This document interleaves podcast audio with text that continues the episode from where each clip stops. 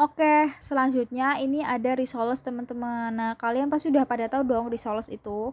Nah, risol atau risoles itu adalah pastry yang biasanya diisi daging dan sayuran yang dibungkus dengan kul lapisan kulit yang lembut, lalu e, dilapisi tepung panir dan kocokan telur ayam. Setelah itu digoreng teman-teman.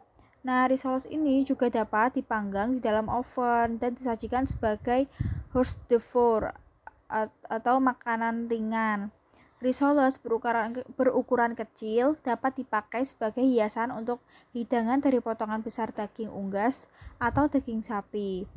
Nah, isi risoles itu bisa bervariasi dan macam-macam.